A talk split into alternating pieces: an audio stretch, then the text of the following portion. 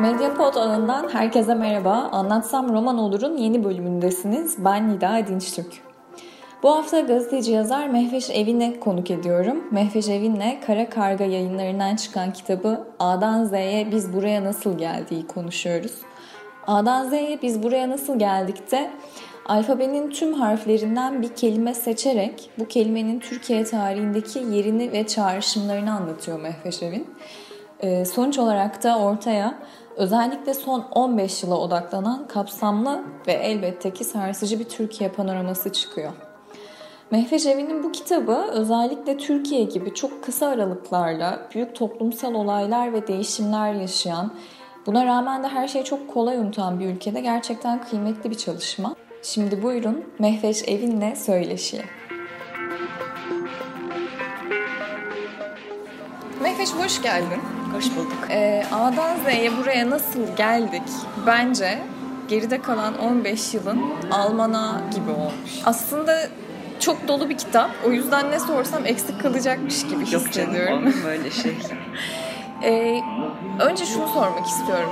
Bu geride kalan 15 yılda senin dönüp de ya bunu nasıl yaşadık dediğin olay neydi? Şimdi birincisi e, almanak gibi diyorsun. Evet biraz öyle oldu ama sadece bu 15 yılla değil bazen zaman zaman biraz daha geriye de atlamak durumunda kaldım bazı şeyleri anlatırken.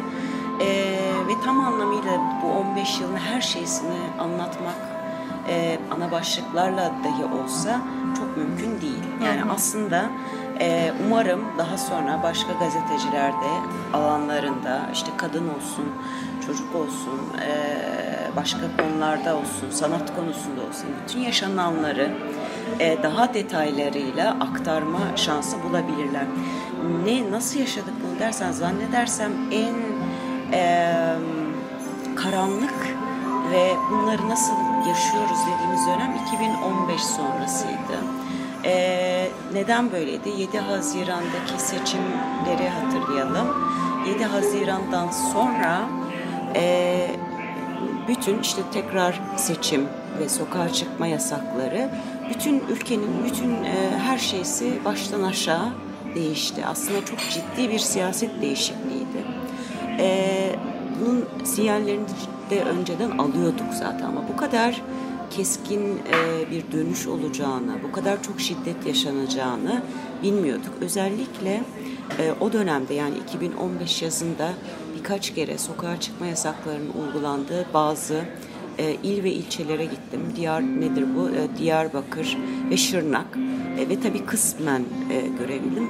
Ve insanların yaşadığı şey bizim o fotoğraflarda gördüğümüz Suriye iç savaşına nasıl insanlar kaçıyorsa öyle bir görüntüydü ve e, gerçekten dehşete kapıldım.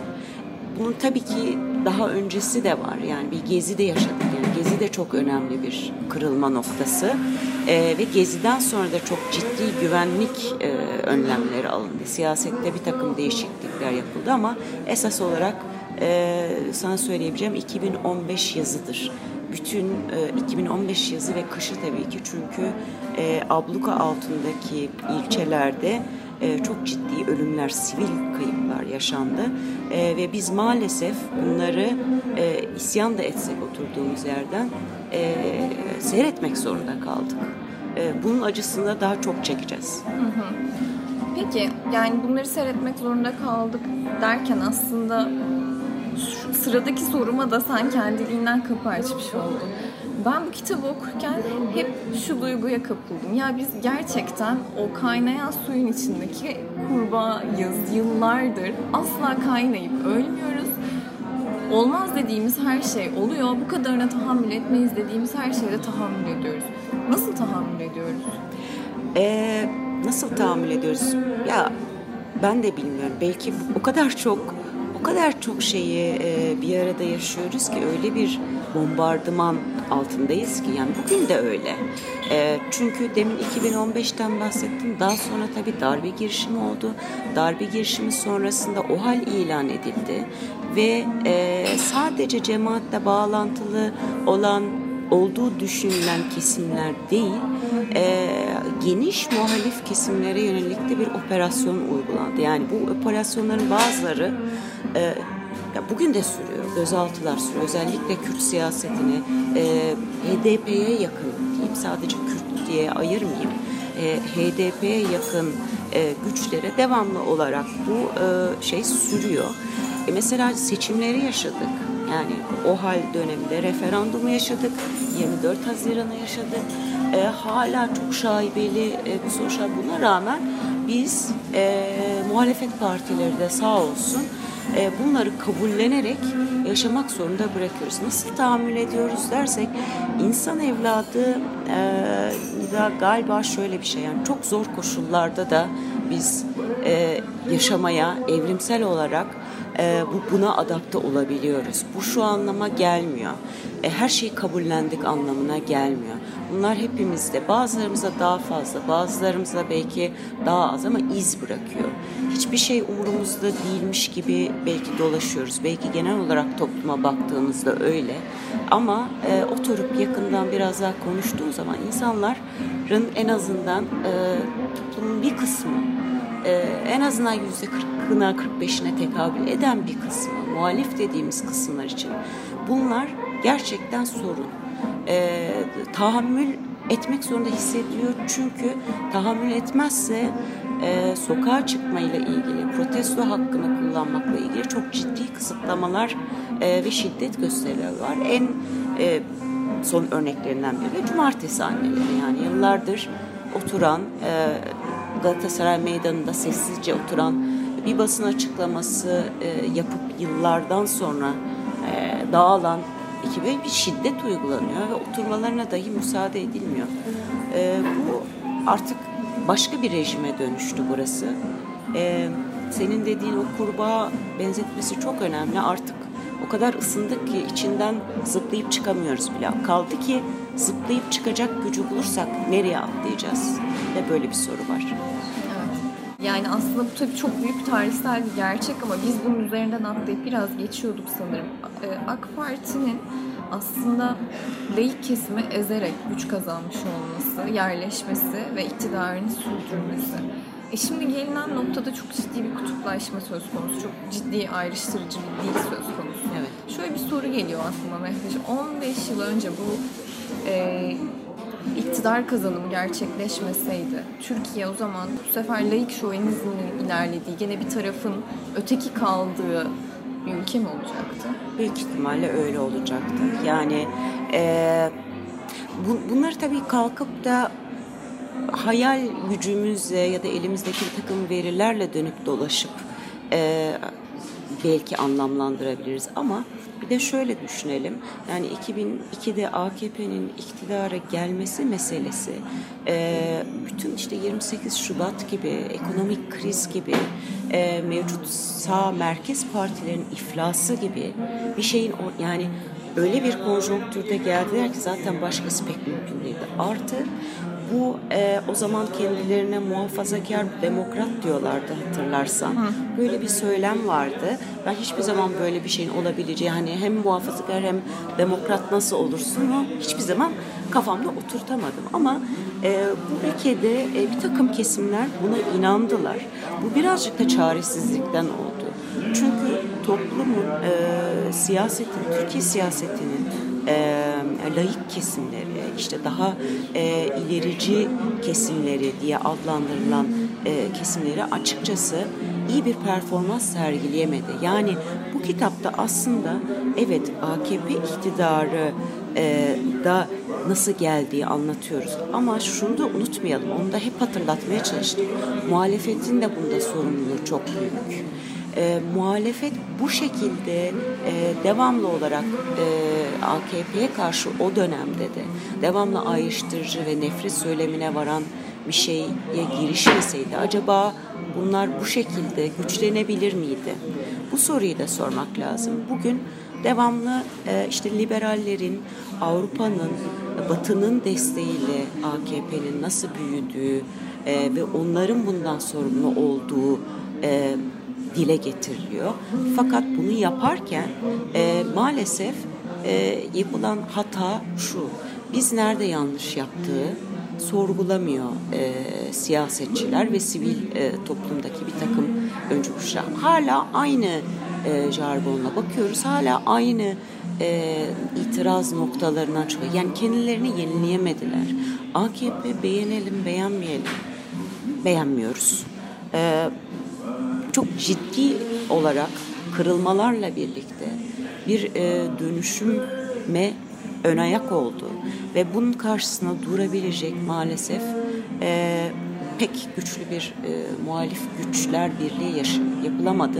Ve bugün de zaten bunun acısını çekiyoruz. Bugün artık herkes darma duman olmuş vaziyette. Kutuplaşmanın e, en şey boyutunu da onu da kısaca değineyim.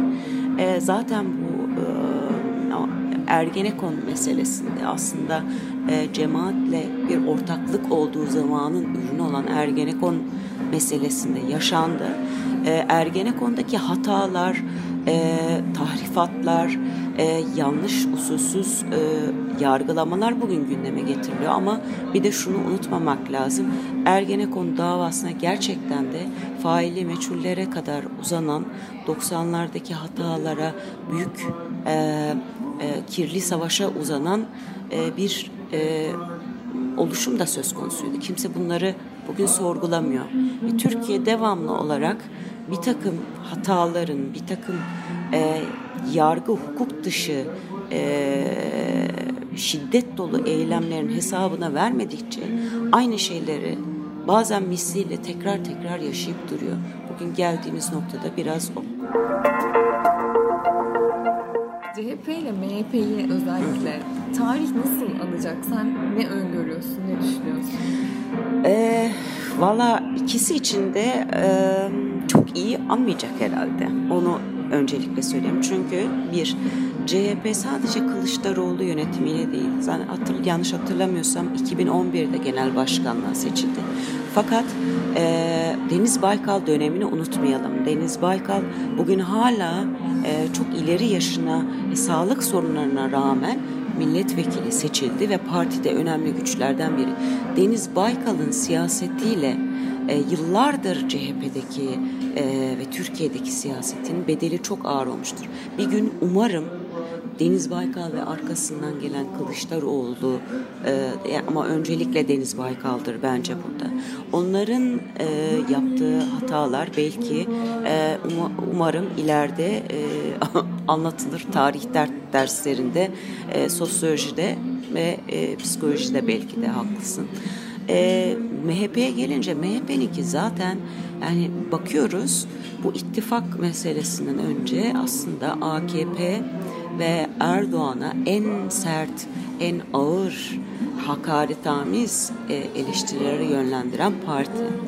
E, ama bugün geldiğimiz nokta nedir? Tek dertleri barış süreciymiş. Yani MHP e, barış sürecinin olmaması için yani ya ne yolsuzluk ne e, fabrikaların satılması, ne toprakların, ne suların satılması, e, bunların hiçbiri MHP'nin kendine milliyetçi diyen bir partinin e, umurunda değilmiş. E, bunu görürüz. Tek derdi varmış. O da Kürtlerle barış olmasın. Kürtlerle herhangi bir şekilde bir çözüme girilmesin ve biz e, iktidarı paylaşalım. Şimdi şöyle de bir şey görüyoruz Nida. Hep bu böyle er, çok erkek bir siyaset var. Her alanda olduğu gibi e, siyasette daha da belirgin bu.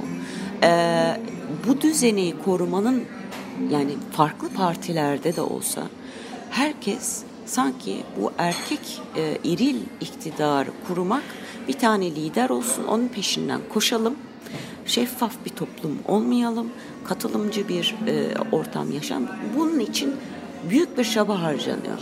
Çünkü neden? Hepsinin kendi çıkarları var ve hepsi bu çıkarlarını kendi partilerinde ve Türkiye'nin yönetiminde rahatça e, yapmak istiyorlar. O koltuklardan inmek istemiyorlar. Yaşlılar, hepsi erkekler. Kadınlara, gençlere yer vermiyorlar. Buna CHP dahil en yüksek kadınların seçmen oranı olduğu partidir CHP. Buna CHP dahil bir tek HDP bu geleneği bozmuştur. Ben özellikle Hasan Keyif'i anlattığın bölümü okurken şunu hissettim. Bunca zamandır aslında zararı faydasından çok olan işlerde inat edilmesi sadece kazanç hırsı olmamalı bunun sonunda. Sanki böyle kişisel bir nefretin, kişisel bir öfkenin hedefine dönüşmüş gibi o tarihi alanlar, yeşillikler. Böyle bir duyguya kapılıyorum. İktidarda böyle bir şey hissediyor musun sen de? Evet, hissediyorum. Ee, onu özellikle bir takım kentsel alanlardaki ve tarihi e, yapılarla ilgili. Ama tarihi hangi tarih? Yani mesela işte Selçuklu mu, e, Bizans mı? Hemen orada bir ayrım oluyor. Yani tarihi deyince e, Hristiyan geleneğine karşı, ondan öncesine karşı hatta işte hatırla çanak çömlek söylemi yani tarih öncesi kalıntılara böyle diyen bir e, şu anda Cumhurbaşkanı olan bir liderimiz var. Yani bütün dünyada bu en e, değerli, en korunası şeylerken bizi böyle bir şeye bürünüyor. Bir çeşit hınç var evet ve bu hınç işte dağlar, ovalar, tarihi mekanlar, sular falan yani şu şuna kilitlenmiş vaziyette ama bence bunu iktidar da yavaş yavaş iktidarın taraftarı olanlar da yavaş yavaş görecek ama o zaman çok geç olacak. Ya biz ne yaptık gibi bir şey. Yani hatırlarsan Erdoğan'ın İstanbul'la ilgili böyle bir şey yani çok samimi bir serzeniş değildi. O yapılaşmayla ilgili e, hiç samimi değildi. E, çünkü başka yani şu anda Kanal İstanbul'un üzerine yani şehrin e, bütün kuzey ormanlarını talan etmek gibi bir şey var. Ben şöyle bir şeyin e, hakim olduğunu düşünüyorum. Bugünü ya- yaşamak yani bu belki göçebelikten e, gelme e, bir tür hani buraya geldik yerleştik evimizi yaptık evimizi büyütelim torunumuza torbamıza ev yapalım taş bilmem ne döşeyelim hayat rahat olsun elimizde para olsun ama şu düşünce ve şu kültür yok. Yani bu Sünni İslam'da da e, bence yok. Alevilerde daha fazla var. E, laiklerde de sonradan hani daha batıdan edinilmiş bir e, kıymet, değer e, biçme söz konusu olabilir. Bunlar da tartışılabilir ayrıca bu söylediklerim. E, ya o elimizdekini alalım, tüketelim. E, şu anda yani gerisi önemli değil. Burası su altına kalsın önemli değil. Camiyi taşırım. Onu oraya koyarım önemli değil. Yerinde olan bir şeyi orada izlemek önemli değil. Selfie çekmek, bir takım karelerden aslında çok modern hayata ait aslında Çin'de de görülen bir şey bu. Çin'de de çok hızlı e, bir neoliberal dönüşüm oldu ve bütün o tarihi güzellikler e, ya da doğal güzellikler perişan edildi. Yani halk sağlığını tehdit eder bir hale geldi. Ama şu anda çok geniş. Herkes e, kurulu bir şey gibi, e, saat gibi e, işe gitmek, para kazanmak ve hayatta kalmanın peşinde. E, ama dediğim gibi bir noktada dönük bakıldığında e, çok şey kaybettiğimizi, çocuklarımız için bunu kaybettiğimizi anlayacağız herhalde. Ama çok geç olacak. Maalesef geç olacak tabii ki. Yani bunların çünkü çoğunun geri dönüşü yok. Bazı şeylerin olabilir ama mesela Hasan Keyif gibi e, inanılmaz yani dünya kültürel mirası da korunması gereken bir yerin işte baraja ihtiyacımız, suya ihtiyacımız var diye elektrik üretimine ihtiyacımız var diye sular altında bırakılması e, ve bu AKP'den çok daha önce Demirel döneminden gelen bir projedir. E, aslında tam anlamıyla o o dönemin e, sert ağır kapitalizmine hala şu anda biz büyüyeceğiz, daha fazla kazanacağız, Avrupa'ya, Amerika'ya yetişeceğiz diye yapılıyor ama e, geçmiş olsun yani o iş öyle olmuyor. Başka türlü oluyor yani başka türlü bir dünyadan bahsediyoruz şu anda.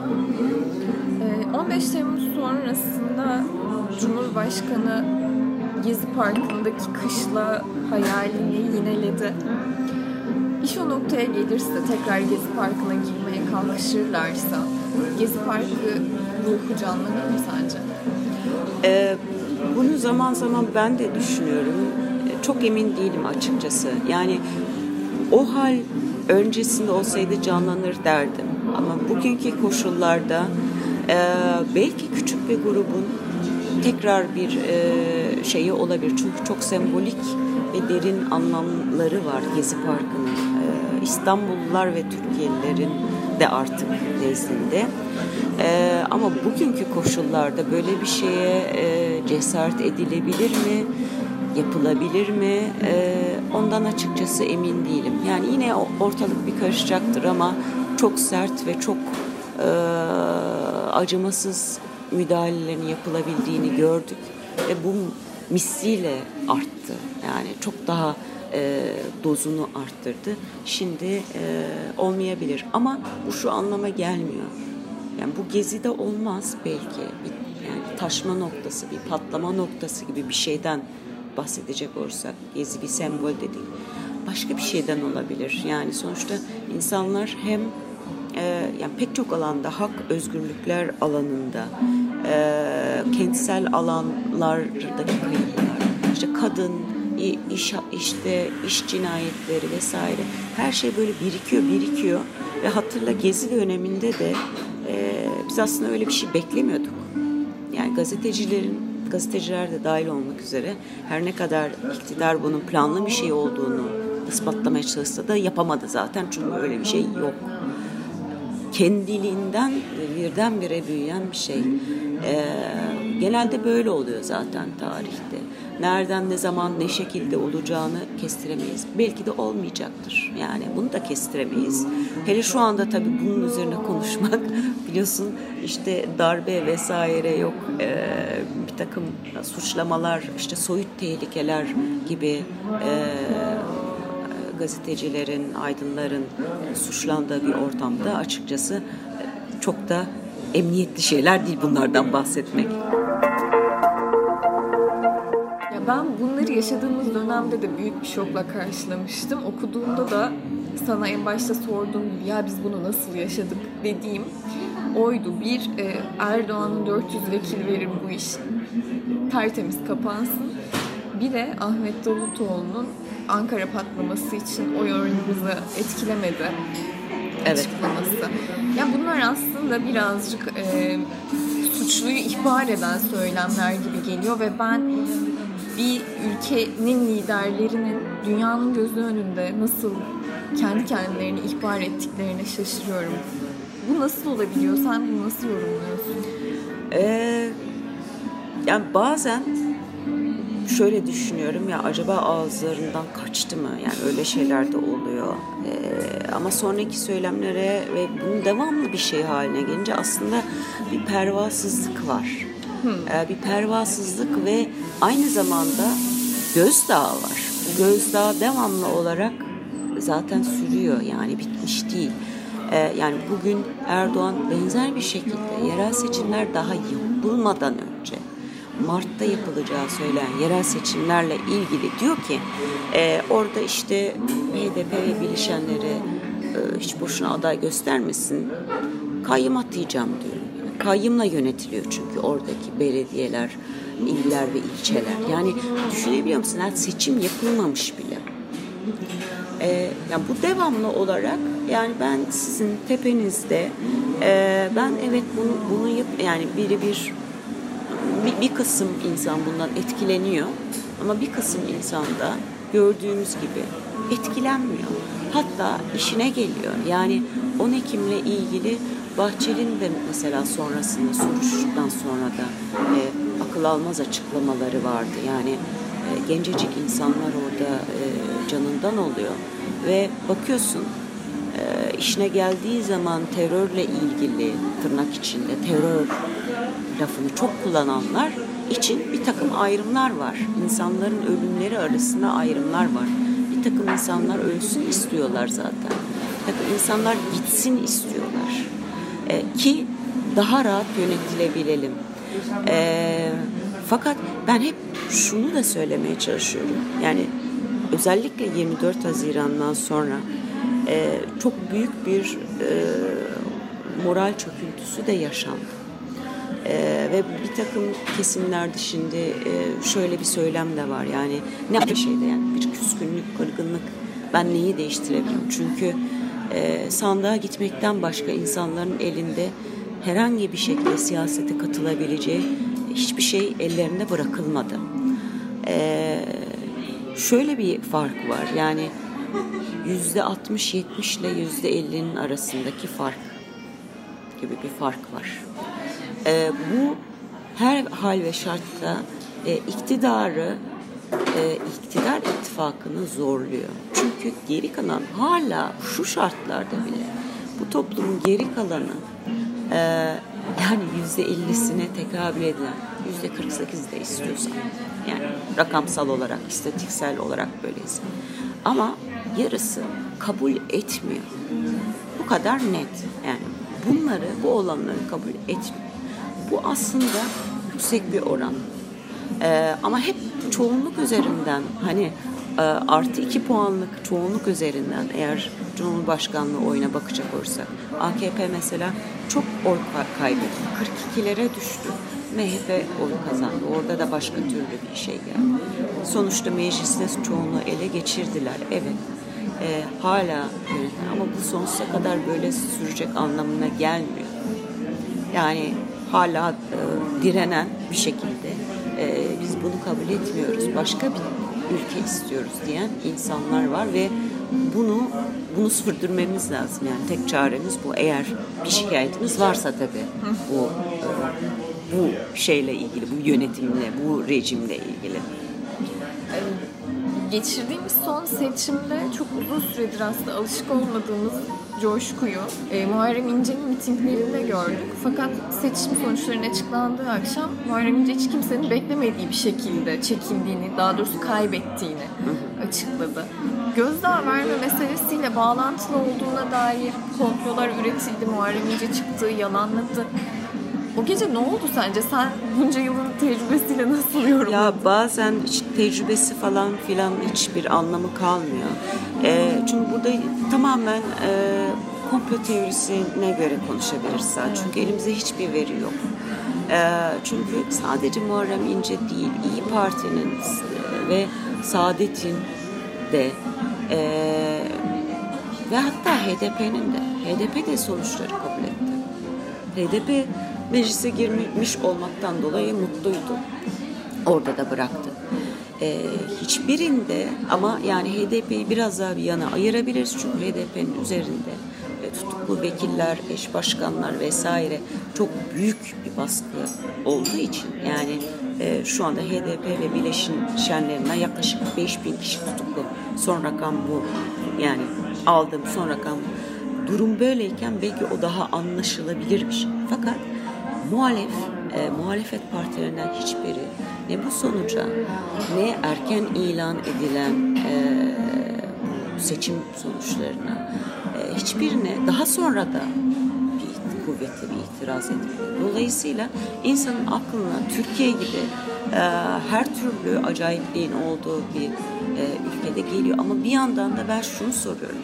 Bu partiler CHP'si olsun, İyi Partisi olsun, HDP'si olsun zaten bir tehdidin olduğunu, zaten siyaset yaparken bir risk aldıklarını bilmiyorlar mıydı? Yani mesele itiraz etmekse bir gerçeği ortaya çıkarmaksa ve seçmenin oyunu e, yani seçmenin en güvenli şeyi savunmaksa bunu neden yapmasınlar? E, açıkçası orada yanıtsız kalıyorum. Yani çok çok mantıklı bir açıklama bulamıyorum yakın bir gelecekte de bulabilecek miyiz? Bir şey öğrenebilecek miyiz? Yoksa e, her zamanki gibi bir takım işte öyle oldu böyle oldu gibi komplo teorileri üzerinden mi konuşacağız? Açıkçası emin değilim. Peki benim kitapta altını çizdiğim ifadelerden biri de şuydu. HDP barış sürecinde barış sürecine çok güvenmesinin bedelini ağır ödedi dedin. E, bu süreçte HDP'yi bu kadar iktidara güvenmeye iten şey neydi? Ee, bir, bir kere İmralı'da görüşmeler oluyordu. Yani devletin bizzati içinde bulunduğu e, Öcalan'la görüşmeler yapılıyordu ve AKP iktidardaydı. Ee, geçen gün e, birisi bana onu sordu. Yani barış sürecinin e, olabileceğine gerçekten inanıyor muydunuz diye yani kişi, kişisel olarak da sordu. Ee, yani evet dedim na, ne yapayım yani o dönemde çünkü bu yönde bir e, irade vardı ve süreç işliyordu. HDP ve bileşenleri içinde zaten başka çare yoktu. Ne yapacaklardı? Yani bu, bu görüşmeler sürerken, devletle, hükümetle görüşmeler sürerken ve AKP iktidardayken kaldı ki bütün muhalefet partileri, CHP ve MHP barış sürecine karşıyken Kürt sorunuyla ilgili bir çözüm önerisinde bulunmuyorken ne yapacaklardı? Bir şey yapamazlardı. Ee, ama fazladan bir rahat özellikle e, sokağa çıkma yasakları döneminde bence e, hatalar yapıldı. Fakat bu hataları şu anda e, insanlar hapislerde, zindanlarda e, yaptıkları basın açıklamaları vesaire yüzünden e, özgürlükleri elinden alınmış bir şekilde tutulurken e, bunun üzerinden bir eleştiri yapmak, onlar yokken arkasından konuşmak gibi bir şey olur. Yani çıksınlar, özgür olsunlar, onların savunmaları üzerinden e, bir e, tartışma yapalım. Evet o zaman bunu yapabiliriz ama geri kalanı e, bildiğin işte kara propaganda, medyanın klasik yaptığı karalama e, ve hedef göstermenin dışında e, bir şeye yaramıyor bence. Teşekkür ederim. Ben teşekkür ederim. Başka bir sohbette tekrar buluşalım. Tamam buluşmak üzere. Daha güzel günlerde diyelim. Evet umarım. Sevgili dinleyenler Anlatsam Roman olur da bir bölümün daha sonuna geldik. Bu bölümde konuğum Mehveş Evin'di. Evin'le kitabı A'dan Z'ye biz buraya nasıl geldiği ve gerçekten buraya nasıl geldiğimizi konuştuk. Eğer bu programı beğendiyseniz yine Mediapod ağında Can Semercioğlu'nun sunduğu Şapkaltı konuşmalarını da beğenebilirsiniz. Yok ben daha çok spor programlarını seviyorum derseniz de Burak Kılıç'ın hazırlayıp sunduğu Boş Adam işi tam size göre. Bize destek olmak isterseniz Patreon hesabımız üzerinden bağış yapabilirsiniz. Anlatsam Roman Olur'un bir başka bölümünde görüşene dek hoşçakalın.